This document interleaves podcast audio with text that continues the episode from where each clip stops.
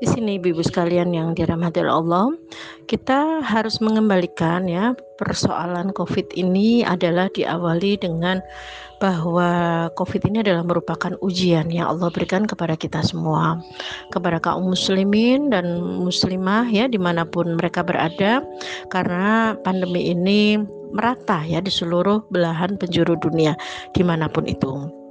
Nah, terhadap persoalan pandemi ini, Bu ya, sebagaimana juga kita menyikapi bahwa ini adalah ujian dari Allah, maka sebagai seorang Muslim kita harus menyikapinya secara sabar ya.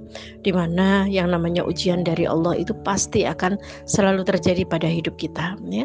Di mana kita kalau menurut Quran surat Al-Baqarah ayat uh, ayat 155 itu Ibu ya disebutkan bahwa Allah itu pasti akan menguji kita dengan sedikit ketakutan, kelaparan, kekurangan harta ya, jiwa dan buah-buahan termasuk juga adanya dengan adanya pandemi ini di mana ada kekhawatiran pada diri kita berkaitan dengan wabah yang sekarang sedang melanda ya di mana pun itu. Nah terhadap hal yang demikian Allah menegaskan ya di akhir ayat Ibu, sampaikanlah kabar gembira kepada orang-orang yang sabar ya. Nah, jadi di sinilah Ibu ya bahwa tidak ada uh, di balik pandemi ini ya, di balik setiap ujian apa pun yang menimpa kita ya, kecuali di situ ada kebaikan ya. Tentu berlaku bagi orang-orang yang bersabar.